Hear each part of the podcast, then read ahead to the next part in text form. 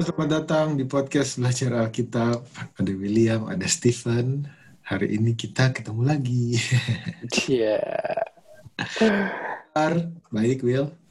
Baik dan selalu semangat. Wait. Yes. Udah mau akhir tahun soalnya nggak terasa ya. tahun ini kayak kayak apa ya? Gak tahu tahun ini tuh kayak cuma berjalan beberapa bulan gitu rasanya. Kayaknya. Tapi buat gue tahun ini adalah tahun um, untuk kita mendekatkan diri kepada Tuhan. Ya. Ya. Dan gue rasa kalau misalnya pun ada uh, gue mau saksikan, cuman itulah hal yang paling gue gua paling merasa terberkati karena uh, lebih banyak waktu luang, waktu yang harusnya habis di jalan sekarang udah kepangkas, uh, udah gak usah lagi kita ada spare waktu di situ gue uh, pakai buat banyak baca. Hmm. Ya. ya. Jadi puji Tuhannya uh, dan di tahun ini juga kayak yang beberapa episode yang lalu kita cerita bahwa kita benar-benar dimenangkan sama Tuhan tuh di tahun ini dari dosa-dosa yang kita kayaknya susah keluar gitu. Kalau gua especially buat gua tuh tahun ini benar-benar gua ngerasa bahwa uh, gue mau deh berserah, gue mau deh eh, Tuhan pimpin dan puji Tuhan bisa bisa menang gitu. Dan ini bukan buat pamer sebenarnya, bukan buat apa-apa tapi buat diri gue sendiri tuh enak gitu, gue lega, gue damai, gue ringan, gue udah nggak apa namanya nggak merasa munafik lagi karena ada pelayanan tapi juga dosa yang cuma kita tahu sendiri itu kan jadinya kayak munafik banget sih. Tapi sekarang puji Tuhannya udah ringan damai karena Tuhan udah bantu overcome dan memang dia udah ngampunin gitu. Dan sebenarnya hal-hal kecil kayak gitu, uh, maksudnya apa ya buat kita sendiri gede, tapi orang nggak tahu. Dan hal itu sebenarnya mengganggu banget kan dalam pelayanan gitu. Kayak di hati kecil lu bilang ini nggak bener nih, kayaknya ada yang salah. Hmm. Gitu.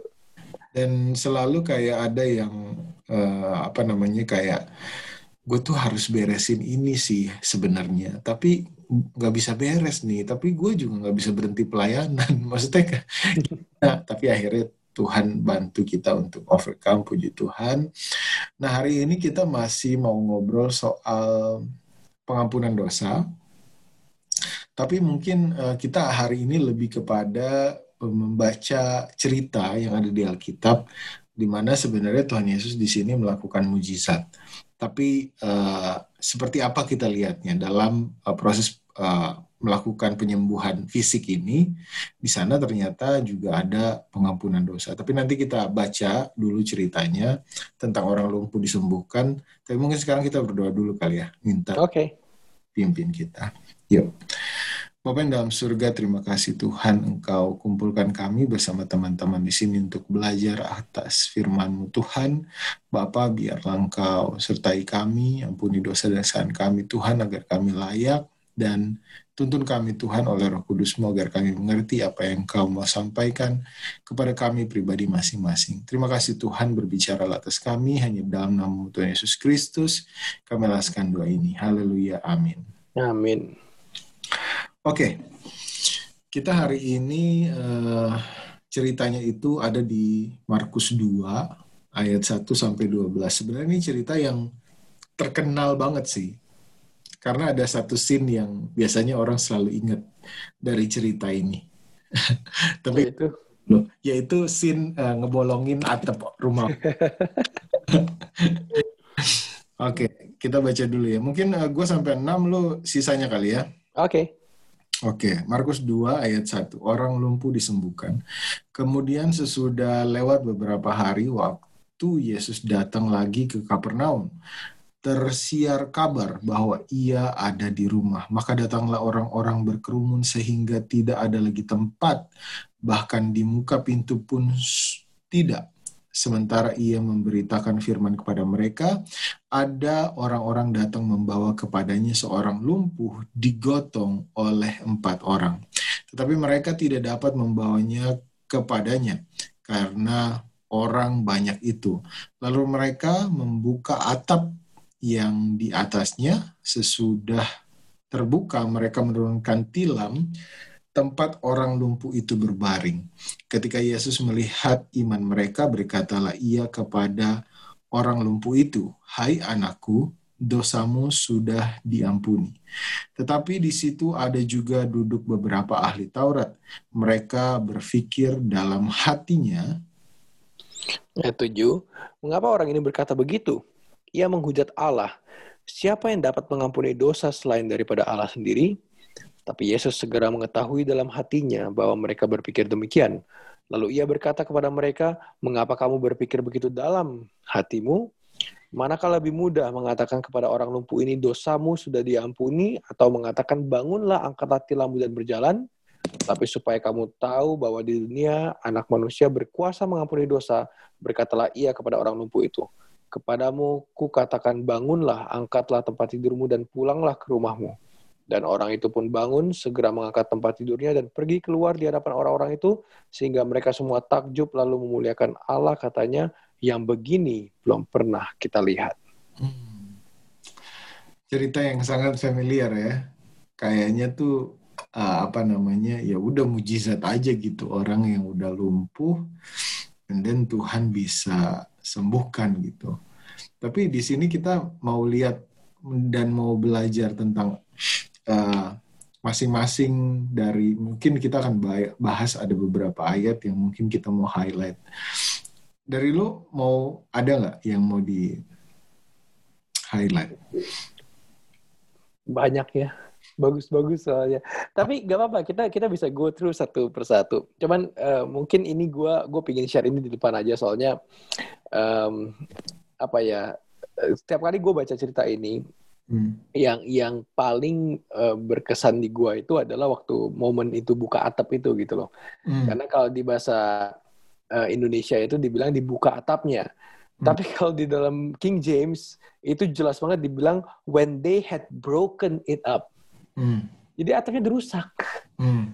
Jadi kalau teman-teman uh, coba search aja kalau rumah-rumah zaman dulu itu mereka atapnya itu kayak ada dilapisin seperti kayak apa ya uh, ada seperti kayak lapisan tanah liat lalu ada tumpuk jerami atasnya. Jadi mereka benar-benar bongkar. Jadi bayangin scene itu bukan kayak ngelepas genteng ngelepas genteng mungkin nggak kotor. Itu kayak jujur wah kayak Yesus mungkin lihat ini apaan nih?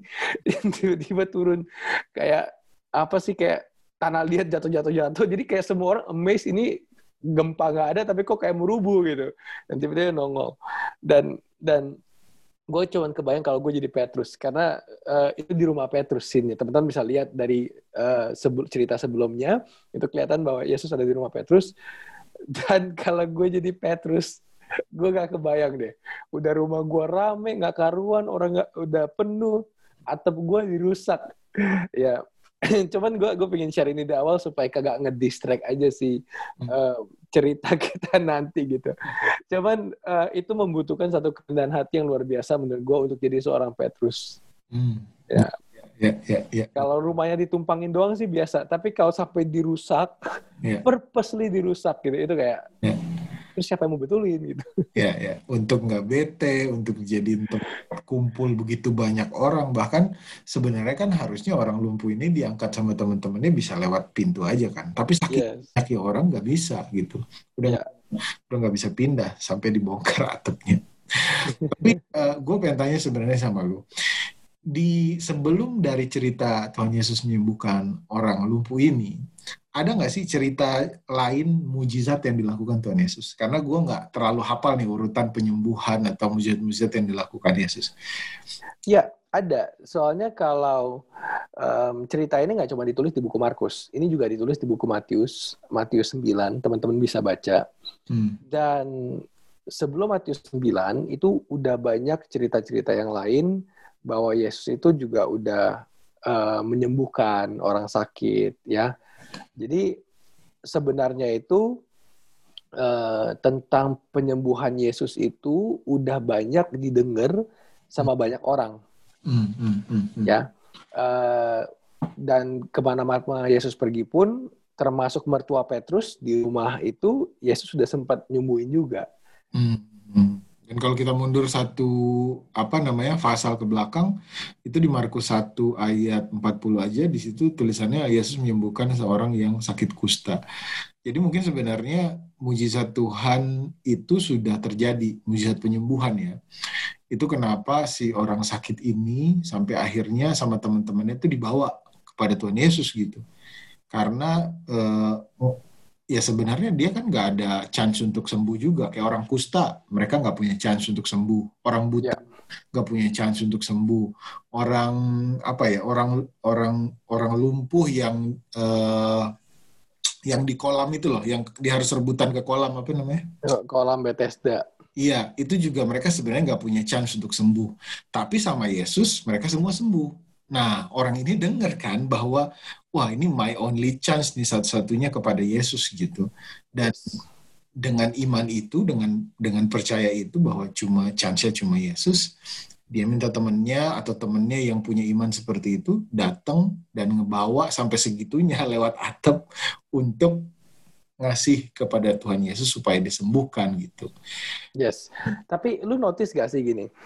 Biasanya kalau kita lihat di chapter sebelumnya kayak buku Markus dia kalau ngomong tuh straightforward banget dan dia cuma bilang Yesus menyembuhkan banyak orang lumpuh orang sakit orang bla bla bla dia cuma nggak ngomong spesifik gitu yeah. dan tapi kok di Markus yang dua ini dia ngomongin spesifik Detail. tentang nyembuhin orang lumpuh tapi nyembuhinnya kayak gimana dan bahkan sampai conversationnya tuh apa hmm. jadi uh, di sini kita bisa lihat bahwa dalam setiap uh, hal yang dituliskan di Alkitab mengenai mujizat yang dilakukan Yesus, kalau sempat itu diceritain secara detail, berarti ada satu maksud penting yang Yesus mau tunjukin kepada orang-orang di situ.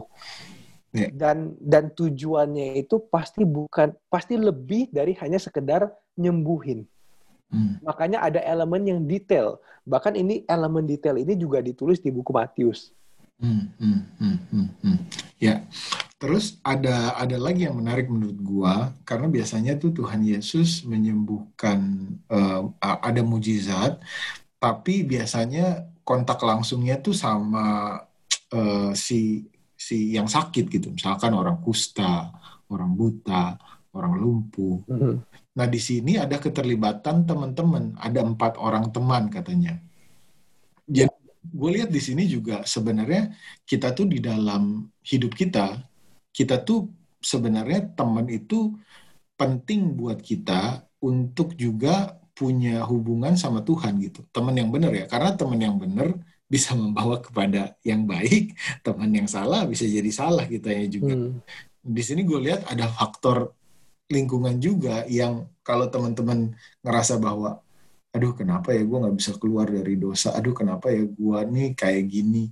Coba deh mulai dilihat mungkin apakah teman kita ini bantu kita untuk berkembang dan dekat sama Tuhan tumbuh sama Tuhan. Atau teman kita teman-teman kita yang kita pilih adalah orang-orang yang sebenarnya enggak gitu jauh dari Tuhan uh, pada saat kita mau reject mereka untuk melakukan hal yang enggak enggak kita malah diketawain dikatain dan akhirnya hmm. kita kalah dengan pressure itu dan kita uh, ikutin dosa gitu nah itu hmm. part yang penting sih karena kan Tuhan tuh selalu bilang di Alkitab tuh banyak saling mendoakan saling mendukung saling menolong itu kan fungsi kita kayak gue sama William fungsi kita temenan kayak gini kayak temenan teman-teman yang lain di komunitas belajar Alkitab juga fungsi teman kita temenan adalah untuk saling menguatkan, saling mendoakan. Jadi di sini ada part teman yang Tuhan kasih lihat gitu. Ya, dan bahkan di Markus dia tulis dengan detail di Markus 2 ayat 5 dikatakan ketika Yesus melihat iman mereka. Hmm. Bukan iman yang mau disembuhin ini. Hmm. Itu nanti kita bahas lagi ya tentang yang disembuhin. Tapi Kenapa harus ditulis iman mereka, yaitu iman teman-teman yang empat orang ini? Hmm. Dan gara-gara melihat iman mereka, baru Yesus mengatakan, Hai anakku, dosamu sudah diampuni. Tapi gue pengen ngebahas dikit soal Yesus melihat iman mereka. Kenapa? Kenapa cara ngomongnya tulisannya kayak gitu? Itu pasti ada maksud tertentu uh, sampai ditulis seperti itu kan. Hmm. Nah, uh, mungkin teman-teman bagi yang belum tahu kalau pada zaman dahulu itu orang yang sakit lumpuh atau sakit kusta yang udah dan lumpuhnya sudah lama nggak bisa disembuhin itu dianggap sebagai satu hal yang sangat uh, menjijikkan, hina. Hmm. hina dan ini orang kena kutuk dari Tuhan makanya hidupnya jadi cuma nyusahin orang doang dianggap berdosa ya dan kita ngelihat bahwa orang ini diangkat pakai tilam ya hmm. dan tilam itu adalah tempat dia tidur apa semua itu dilakukan semua di situ yeah. jadi literally ini orang udah nggak bisa ngapa-ngapain lagi bahkan mungkin untuk minta-minta di jalan aja juga nggak bisa. Gak bisa gitu loh yeah. nah tapi di sini uh, dikatakan ketika Yesus melihat iman mereka bahkan di Matius 9 ayat 2 di buku yang lain direcord juga detail penting ini ketika Yesus melihat iman mereka pada saat semua orang bukan hanya orang Farsi atau Taurat tapi semua uh, penduduk yang lain, rakyat yang lain juga mengucilkan dia, ada empat orang teman yang willing untuk datang untuk angkatin dia. Hmm. Dan di situlah makanya dibilang ketika Yesus melihat iman mereka, hmm. bisa aja karena sekarang kita lihat apakah orang Farisi punya iman bahwa orang itu bisa disembuhkan jawabannya nggak punya Iya, betul. Tapi di saat semua orang itu kayak ngucilin kita, yang kita merasa itu terkutuk dan gak layak, ada empat orang temen yang willing buat bawa kita kepada Yesus, yes. kita percaya bahwa lu bisa dapat kesembuhan dari Yesus. Yang selama ini lu cuma denger. Dan kita pun mungkin cuma denger. Gitu kan? Amin, amin, amin. Dan sebenarnya ini juga sama sih, sama kehidupan kita sebenarnya. Pada saat kita ada di dalam dosa gitu, kadang tuh kita... Uh, bukan kadang ya sering bahkan kita tuh ngerasa nggak pantas ngerasa nggak oke okay, ngerasa udahlah udah nggak bisa keluar apalagi dosanya susah untuk keluar udah nggak bisa. And then sebenarnya uh, Tuhan tuh pasti kirimkan teman-teman atau keluarga atau orang-orang deket yang sebenarnya mendukung kita secara moral dan secara doa Nah ini adalah teman-teman yang ada di sini nih buat si orang lumpuh ini gitu. Karena hmm. kita juga sebenarnya punya, cuma kadang kita nggak sadar dan kita lebih kepada uh, apa namanya mengeraskan hati kita bahwa ya udahlah gue udah gue udah nggak bahkan kadang kita suka kayak gini udahlah lu nggak usah doain gue percuma hmm. karena, karena ya gue udah nggak bisa lah gue udah terlalu hancur kita tuh sering gitu sering ngerasa bahwa dosa kita tuh terlalu besar, terlalu gede. Dan lupa bahwa Tuhan itu ngampunin dosa. Hmm. Dan dia tuh ngampunin dosanya nggak salah-salan. Ngampunin dosanya itu pakai jadi manusia, terus pakai disalib dan nyawanya diambil, darahnya tercurah, pakai pengorbanan yang segitu gedenya untuk ngapus dosa. Hmm. Dan kita udah dapet pengampunan dosa itu tinggal minta aja. Tapi kita terlalu fokus sama dosanya. Hmm. Aduh, gue parah banget nih. Aduh, gue ini kacau banget nih. Pasti nggak bisa deh. Yang hmm. bisa tuh siapa? Yang nggak bisa tuh kita maafin diri kita, tapi Tuhan tuh bisa ngampunin. Dan dan dari cerita ini ini lebih parahnya lagi. Coba kalau kita lihat di ayat 6 sampai 7. Hmm. Waktu Yesus bilang, "Hai anakku, dosamu sudah diampuni." Terus dibilang kayak gini, tetapi di situ ada juga duduk beberapa ahli Taurat, mereka berpikir dalam hatinya, mengapa orang ini berkata begitu? Ia menghujat Allah. Siapa yang dapat mengampuni dosa selain daripada Allah sendiri? Jadi memang um, sering kali, gak cuma di zaman kita sih, tapi di zaman Alkitab, eh, zaman dulu, itu orang yang kita anggap suci patut dipandang atau the crowd orang yang kebanyakan mayoritas orang itu bisa aja menjadi penghalang untuk orang yang sakit sakit rohani dan sakit fisik datang kepada Tuhan. Hmm, hmm. Makanya yang gue bilang di episode minggu lalu juga bahwa sebenarnya kita kalau udah minta ampun, kalau kita udah e, berubah, apa namanya minta Tuhan bantuin kita untuk berubah. And then sudah. Hmm. karena orang masih bisa ngelihat kita adalah kita yang dulu. Orang masih bisa nuduh kita misalkan oh lu cabul gitu. Orang masih bisa nuduh kita itu. Tapi kan sebenarnya hubungan kita sama Tuhan bukan sama orang dan lebih lebih kerennya lagi di sini pada saat uh, Tuhan bilang Hai anakku dosamu sudah diampuni itu nggak sembarangan bicara gitu loh karena uh, bahasa aslinya dari kata anak itu itu kata aslinya tuh uh, teknon. Hmm. Artinya anak yang kusayangi, yang sangat dekat, yang sangat dicintai. Hmm. Jadi Tuhan tuh nggak, maksudnya nggak asal gitu loh. Pada saat ngampunin dosa, dia nggak cuma kayak, oke okay, lu orang lain, karena teman lu usaha datang ke sini, imannya gede, gua ampunin. Tapi lu tetap orang lain. Enggak. Hmm bahkan orang yang dianggap dosanya gede banget cacat dari lahir nggak akan pernah sembuh dosa nggak pernah diampunin pada saat Tuhan ampun dia langsung nganggap kita sebagai anaknya anak hmm. yang kukasihi yang sangat dekat yang sangat kucintai hmm. Pada saat Tuhan ampunin dosa tuh kita udah udah jadi anaknya. Kita lanjut ke uh, orang Farisi. Gue nggak tahu ya kenapa setiap Yesus ada berkhotbah atau melakukan mujizat atau lagi ke mana. Di situ selalu ada orang Farisi. Apakah orang Farisi sebanyak itu? Atau mereka ini lagi mengintai Yesus aja kerjanya?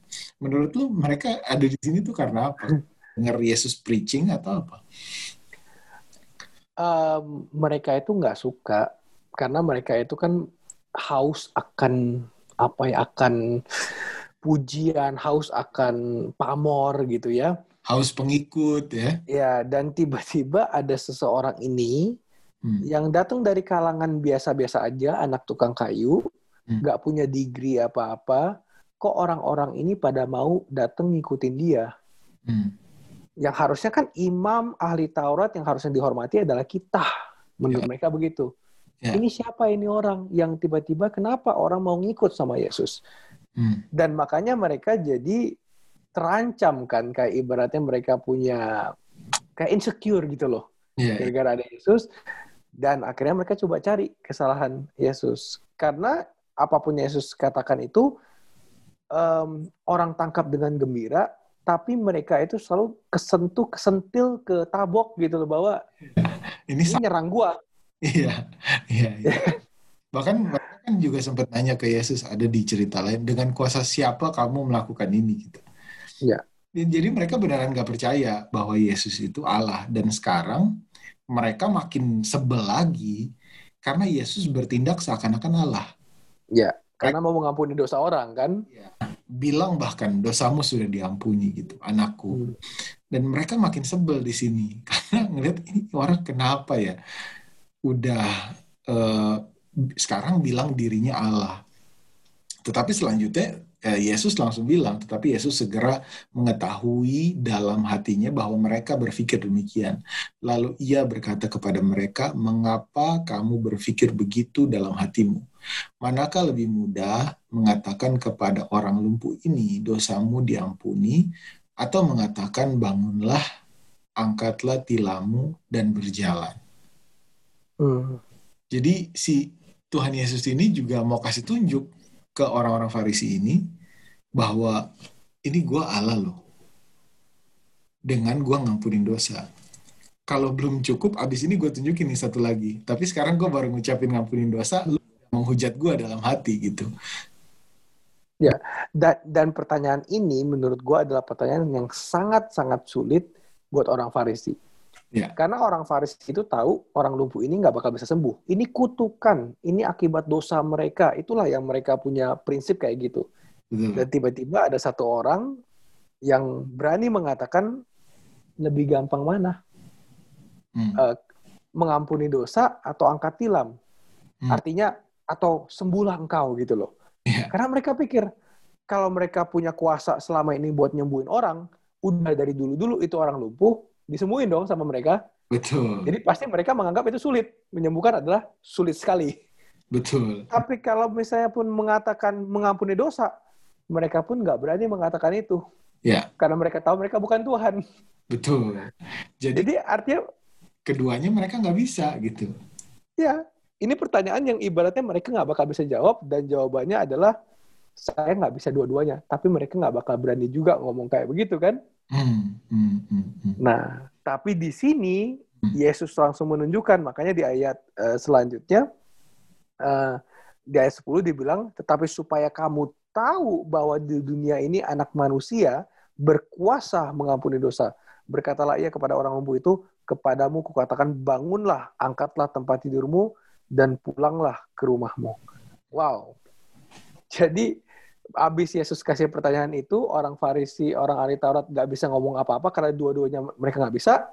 Pertama Yesus tunjukin bahwa gue punya kuasa mengampuni dosa, dan next gue punya kuasa untuk bikin dia sembuh. Angkat tilammu dan berjalanlah. Dan di ayat 12 terus dikatakan orang itu bangun segera mengangkat tempat tidurnya dan pergi keluar di hadapan orang-orang itu sehingga mereka semua takjub dan menggunakan Allah. Hmm. Katanya yang gini belum kita kita lihat. Jadi di sini kita kayak ngelihat satu purpose gitu ya daripada mujizat. Ini bukan cuma sekedar mujizat yang Yesus lakukan supaya dicatat di Alkitab Yesus menyembuhkan orang sakit ini dan segala macam. Yes. Tapi ini adalah declaration yang Yesus tunjukkan kepada orang Farisi dan ahli Taurat uh, di depan mata mereka sendiri bahwa aku ini adalah anak Allah, hmm. aku ini Allah, aku yeah. punya kuasa buat mengampuni dosa dan menyembuhkan. Hmm, hmm, hmm. Sekarang yuk kurang bukti apa lagi? Betul. Dan sebenarnya di sini pas di ayat 10 itu ditulis bahwa dunia in, bahwa di dunia ini anak manusia berkuasa mengampuni dosa. Kata-kata berkuasa ini bahasa aslinya itu adalah exousia. Kata-kata ini adalah kata-kata otoritas yang cuma dipunyai sama Allah. Yang cuma dipakai untuk kealahan. Otoritasnya Allah, kuasanya Allah, itu katanya exousia dan cuma Allah yang pakai. Jadi hmm. memang Tuhan mau nyatakan kepada mereka bahwa gue adalah Tuhan dan gue bisa ngampunin dosa dan juga cuma menyembuhkan dong udah pasti bisa karena dosa aja udah dihapuskan dan ngampunin apa namanya dan menyembuhkan udah pasti bisa. Dan hari itu orang Farisi udah nggak bisa berkutik lagi tentang mereka ngerasa bahwa Tuhan Yesus itu bukan Tuhan. Harusnya mereka nggak punya alasan lagi untuk nggak percaya bahwa Tuhan Yesus itu bukan Tuhan. Ngampunin dosa dan menyembuhkan. Orang yang sakit karena dosa bisa sembuh, artinya dosanya udah ampun. Dan dan ini benar-benar membuka harapan bagi semua orang berdosa pada saat itu. Yes. Karena orang yang berdosa dan akhirnya mereka sakit lumpuh, sakit kusta, atau punya penyakit yang tidak bisa disembuhkan, mereka udah bilang, that is my life. Ini adalah final. Gue udah tidak bakal punya selamat. Inilah derita yang harus gue tanggung seumur hidup gue sampai gue mati. Yeah. tapi tapi Yesus membuka harapan baru bahwa seberdosa berdosanya kamu mm. kamu bisa sembuh. Mm. nah dan um, gue jadi ingat ada satu ayat. Itu di Mazmur 103 ayat 3 ayat itu ngomong kayak gini. Dia yang mengampuni segala kesalahanmu yang menyembuhkan segala penyakitmu Hmm. Sepertinya orang Farisi dan ahli Taurat ini kan mereka punya mereka kan membaca kitab dari perjanjian lama dan buku Mazmur udah ada juga gitu loh. Yeah, yeah. Ya. Bisa aja mereka mengambil dari sini makanya terdapat konsep kalau orang yang udah sakit keras itu dosanya banyak. Hmm. Sakit seumur hidup dosa banyak. Hmm. Tapi di saat yang sama Yesus tuh menggunakan hal yang sama untuk kasih sisi pandang yang berbeda hmm. bahwa ada yang bisa mengampuni dosa dan akibat dan ada juga yang karena dosa yang sudah diampuni akhirnya bisa sembuh. Jadi um, ini adalah satu pengharapan sih buat uh, buat semua orang, bukan cuman buat orang lumpuh itu, hmm. tapi buat semua orang ya, buat. yang merasa dirinya itu nggak nggak valuable, terlalu berdosa buat kita karena sebenarnya memang pada dasarnya kita tuh nggak pantas gitu. Tapi Tuhan pantaskan. Karena uh, pada dasarnya yang usaha selama ini itu Tuhan gitu. Hmm. harus kok turun dari tahtanya untuk jadi manusia nebus kita. Bisa aja diciptakan diciptain aja makhluk yang lain. Kita dimusnahin aja sama setan gitu. Hmm. tapi begitu sayangnya dia sama kita and then sebegitu nggak pantasnya kita tapi dia tetap berkorban gitu Hmm. Dan itulah yang dia mau kasih lihat di sini gitu. bahwa dosa sebesar apa pun yang dianggap sama orang Farisi, dosa yang mengakibatkan penyakit ini, itu bisa diampunin. Bisa kok, dosa apa pun bisa diampunin. Dan itu juga mesti menjadi pegangan kita bahwa kita berdosa iya, sudah pasti. Dan kadang kita ngerasa dosa kita gede banget. Padahal dosa ya dosa gitu. Mau dosa hmm ngebunuh orang sama dosa ngambil duit 20 ribu sama aja dosa gitu.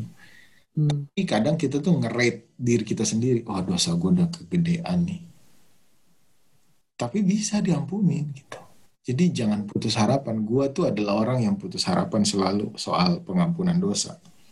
Karena setiap gue minta ampun, and then gue jatuh lagi, gue ngerasa bahwa, oh gue nggak diampuni.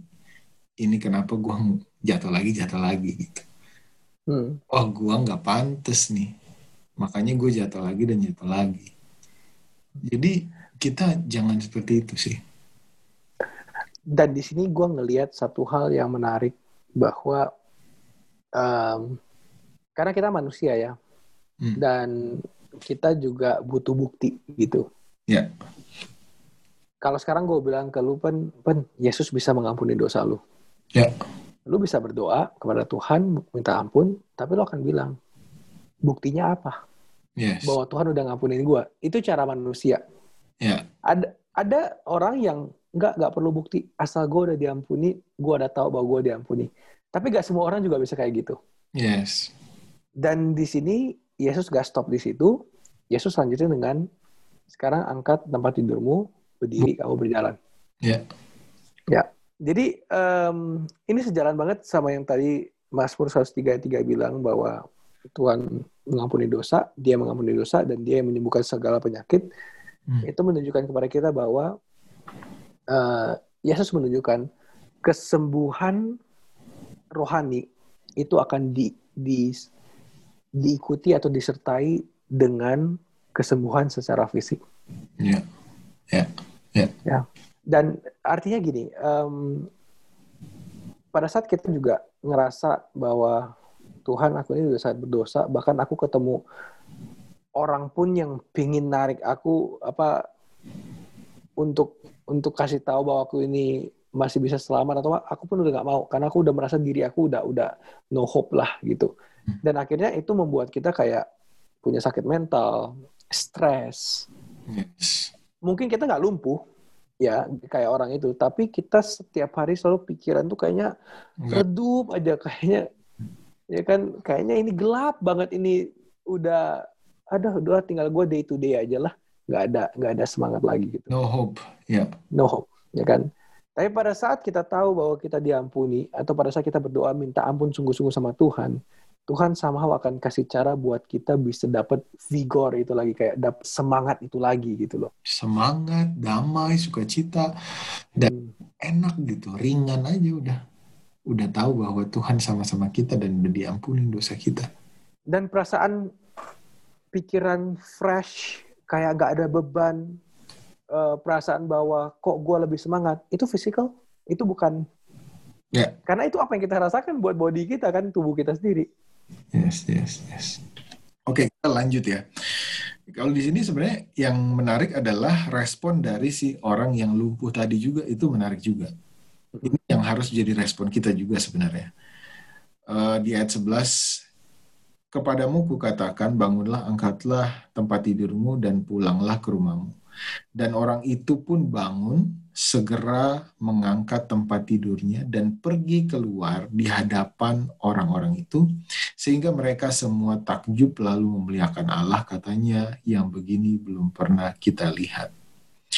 Nah ini adalah satu respon yang ditunjukin sama orang ini, orang yang lumpuh tadi, yang dianggap berdosa tadi, yang sakit tadi responnya kayak gini dia diampuni dan uh, dia dapat kesembuhan hmm. secara fisik di cerita ini sebenarnya yang jadi poin adalah orang ini udah diampuni dan di sini dia mengikuti apa yang dikatakan Yesus Yesus bilang angkatlah tempat tidurmu pulangnya ke rumahmu dia segera mengangkat tempat tidurnya dan pergi keluar Dia nggak yang ngangkat tempat tidurnya lalu diam di situ bersama Yesus untuk dengerin apa kelanjutan kata Yesus. Enggak.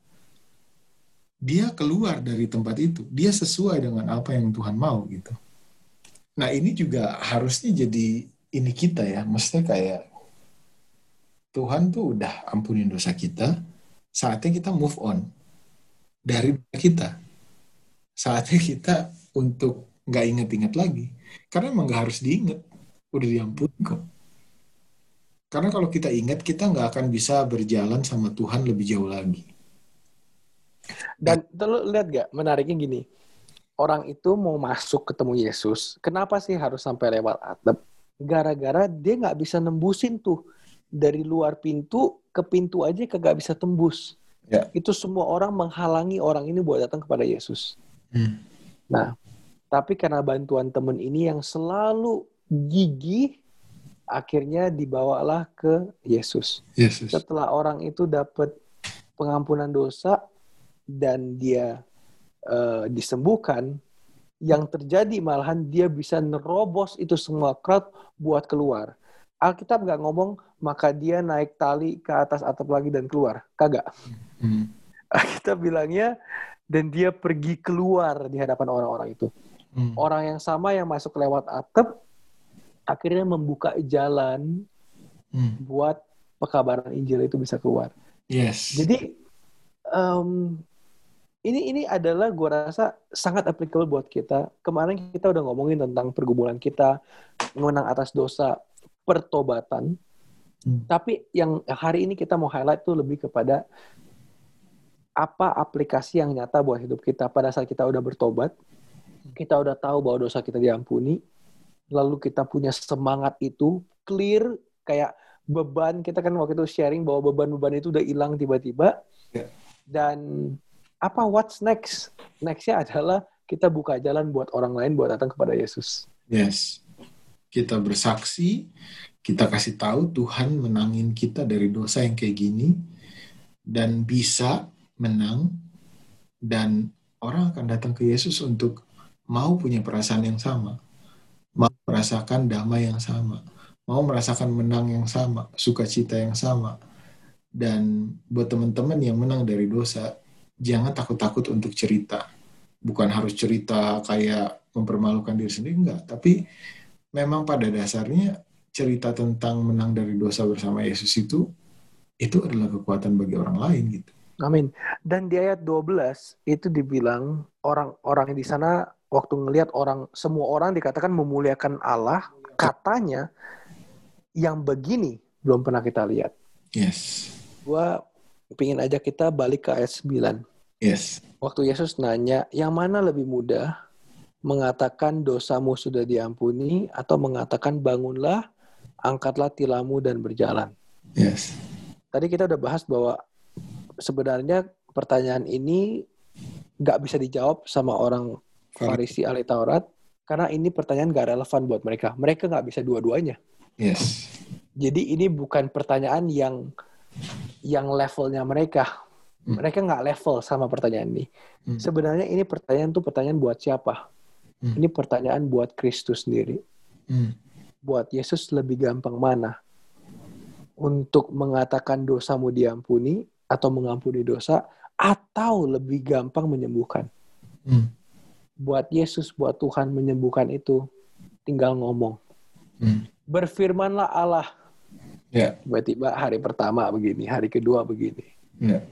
Ya kan? Yeah. Menyembuhkan, tinggal ngomong.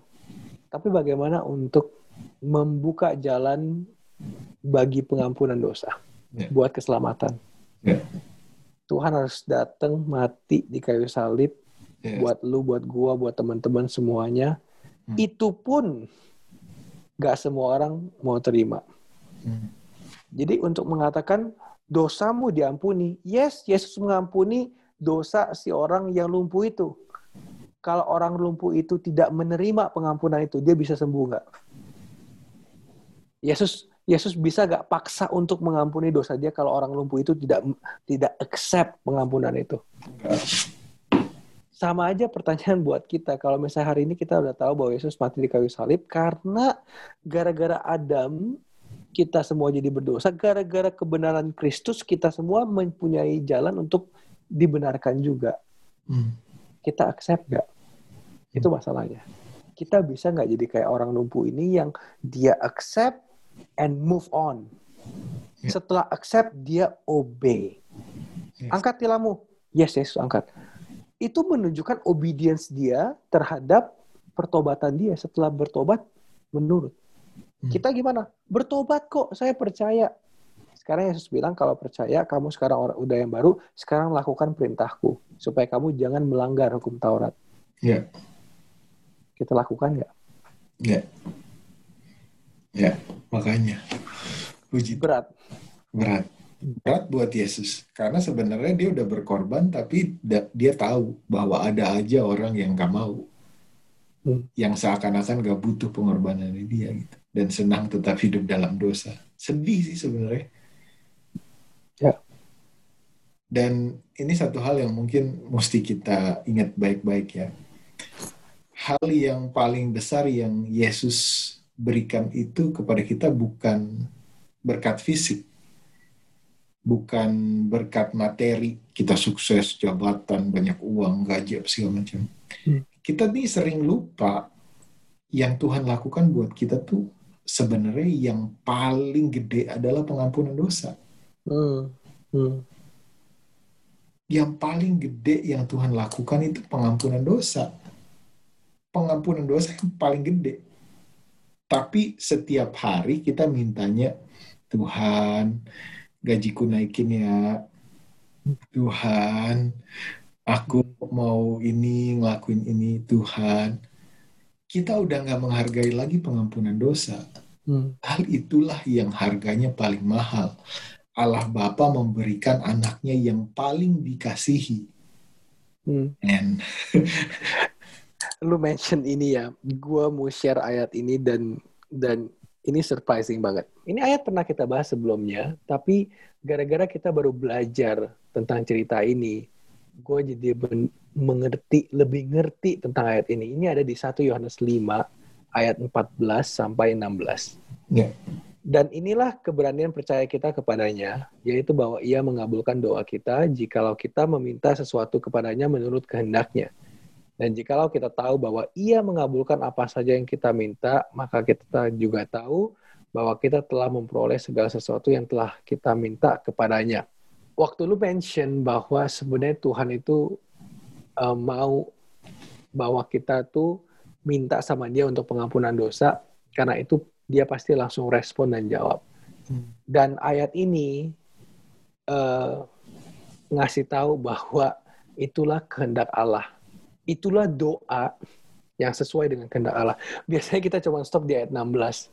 Yeah. Terus cari kehendak Allah itu apa? Terus cari tapi rupanya ayat ini tuh ngomongin tentang dosa.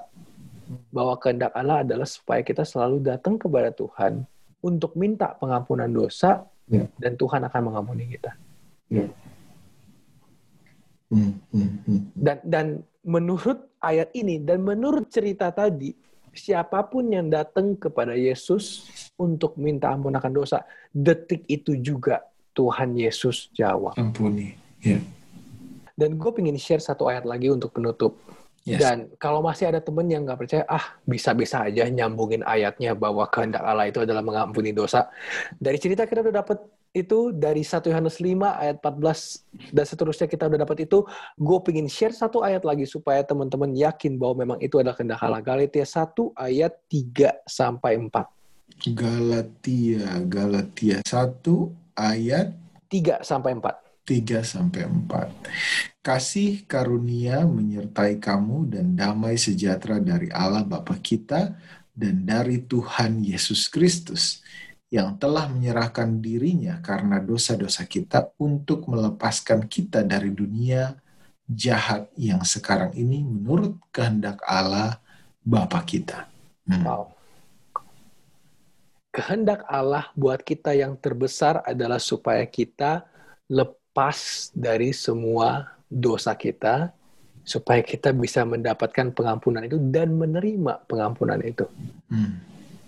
Dan yang Tuhan expect dari situ adalah kita jadi seperti orang yang lumpuh tadi memuliakan nama Tuhan, semua orang juga memuliakan nama Tuhan. Yes. Ya, dan di sini pun Galatia 1 ayat 5, eh, tadi kan sampai 4, di ayat 5 dikatakan, baginya lah kemuliaan sampai selama-lamanya. Hmm, hmm, hmm, hmm, hmm, hmm. Jadi, um, dan ini benar-benar hari ini gue sangat terberkati banget, karena gue mendapatkan di, dibalikin kepada fokus itu. Mungkin kita uh, kadang pun kita belajar ini belajar itu, kadang kita masih campur aduk sama keinginan duniawi kita. Kita lepas dari yang dosa ini, tapi kita mungkin nggak melakukan dosa, tapi kita punya keinginan-keinginan yang duniawi jadinya gitu loh. Hmm. Tetap masih punya. Dan di sini Tuhan kayak ingetin fokusnya lagi. Kehendak. Kalau kehendak ingat sama kehendak Tuhan. Udah itu aja. Ingat sama kehendak Tuhan. Yaitu kalau you lepas dari dosa, Tuhan juga mau orang lain lepas dari dosa. Hmm. Kabarkan itu. Dan kalau semua orang lepas dari dosa, itulah tujuan utama Tuhan. Rencana keselamatan kita, kita nggak berdosa, bisa layak sama-sama Tuhan, punya kehidupan kekal, balik ke tempat kita yang semula, yaitu di surga, di Taman Eden, Yerusalem yang baru. Puji Tuhan. Amin gue pengen ajak teman-teman untuk baca tadi Mazmur 103 yang lu kasih itu. Oke. Okay. Kita baca Mazmur 103 ayat 1 sampai 5, ayat 8 sama ayat 11 sampai 13. Oke. Okay. Gue baca ayat 1 sampai 5 dulu ya. Pujian eh, pujilah Tuhan hai jiwaku dari Daud. Pujilah Tuhan hai jiwaku, pujilah namanya yang kudus hai segenap batinku Pujilah Tuhan hai jiwaku dan janganlah lupakan segala kebaikannya. Dia yang mengampuni segala kesalahanmu, yang menyembuhkan segala penyakitmu. Dia yang menyembuh eh, dia yang menebus hidupmu dari lubang kubur, yang memahkotai engkau dengan kasih setia dan rahmat. Dia yang memuaskan hasratmu dengan kebaikan sehingga masa mudamu menjadi baru seperti pada burung Raja Wali. Ayat 8, Tuhan adalah penyayang dan pengasih, panjang sabar dan melimpah kasih setianya. Tolong bacain ayat 11 sampai 13, Pak. Tetapi setinggi langit di atas bumi, demikian besarnya kasih setianya atas orang-orang yang takut akan dia. Sejauh timur dari barat, demikian dijauhkannya daripada kita pelanggaran kita. Seperti Bapa sayang kepada anak-anaknya, demikian Tuhan sayang kepada orang-orang yang takut akan dia. Amin. Thank you teman-teman. Kita lanjut lagi minggu depan. Kita uh, sebenarnya bingung-bingung nih mencari apa yang harus kita obrolin. Jadi uh, kita lagi-lagi undang teman-teman kalau ada yang mau bersaksi, mau cerita, uh, mungkin ada yang mau minta didoain juga karena dari hal-hal yang seperti ini kita apply apa yang kita udah belajar. Kita nggak mau cuma cuap-cuap tapi nggak apply apa-apa. Dan sekarang gue juga jadi sadar bahwa di sekitaran gue mungkin ada orang-orang yang butuh kita ajak ngobrol gitu. Hmm. Butuh kita uh, tahu pergumulannya apa sih. Butuh kita doain, saling mendoakan supaya kita kuat di dalam Yesus gitu. Amin. Dan itu yang kita harapin dari teman-teman juga. Kalau punya pergumulan boleh curhat ke kita atau curhat ke teman-teman lu yang yang yang yang suka ngajak lu berdoa suka ngajak lu kembali kepada Tuhan. Hmm. Bukan cerita kepada teman-teman yang malah sering mengajak lu jatuh ke dalam dosa karena itu hmm. jadi salah gitu. Kita saling mendoakan, kita pengen teman-teman cerita boleh di DM, boleh di email. Terserah aja nanti teman-teman bisa cek di Instagram kita. Terima kasih, kita ketemu lagi uh, Rabu depan. Tuhan Yesus memberkati. Will, boleh pimpin kita dalam doa? Ayo, kita berdoa. Tuhan bahwa kami di surga, kami bersyukur karena Tuhan mengingatkan kami bahwa kami harus melakukan kehendak Tuhan. Bahwa kami harus nantiasa meminta pengampunan dari Tuhan. Dan kami tahu bahwa Tuhan selalu mengampuni kami bila mana kami datang kepada Tuhan. Tuhan biarlah Tuhan kami semua di sini akan selalu datang dengan rendah hati, menyadari kesalahan kami, bertobat daripada kesalahan kami, dan kami move on ya Tuhan, supaya kami bisa kabarkan kabar baik ini ya Tuhan, dan supaya kami bisa bersama-sama teman-teman semuanya nanti akan sama-sama masuk ke dalam surga. Tuhan banyak pergumulan Tuhan, pergumulan kami, pergumulan teman-teman di luar sana untuk lepas dari dari dosa yang sangat kami sayangi ya Tuhan. Tuhan bantu kami ya Tuhan supaya kami bisa menang dari situ dan kami bisa bersaksi akan hal itu. Tuhan kiranya bersama dengan kami di dalam nama Yesus kami berdoa. Amin.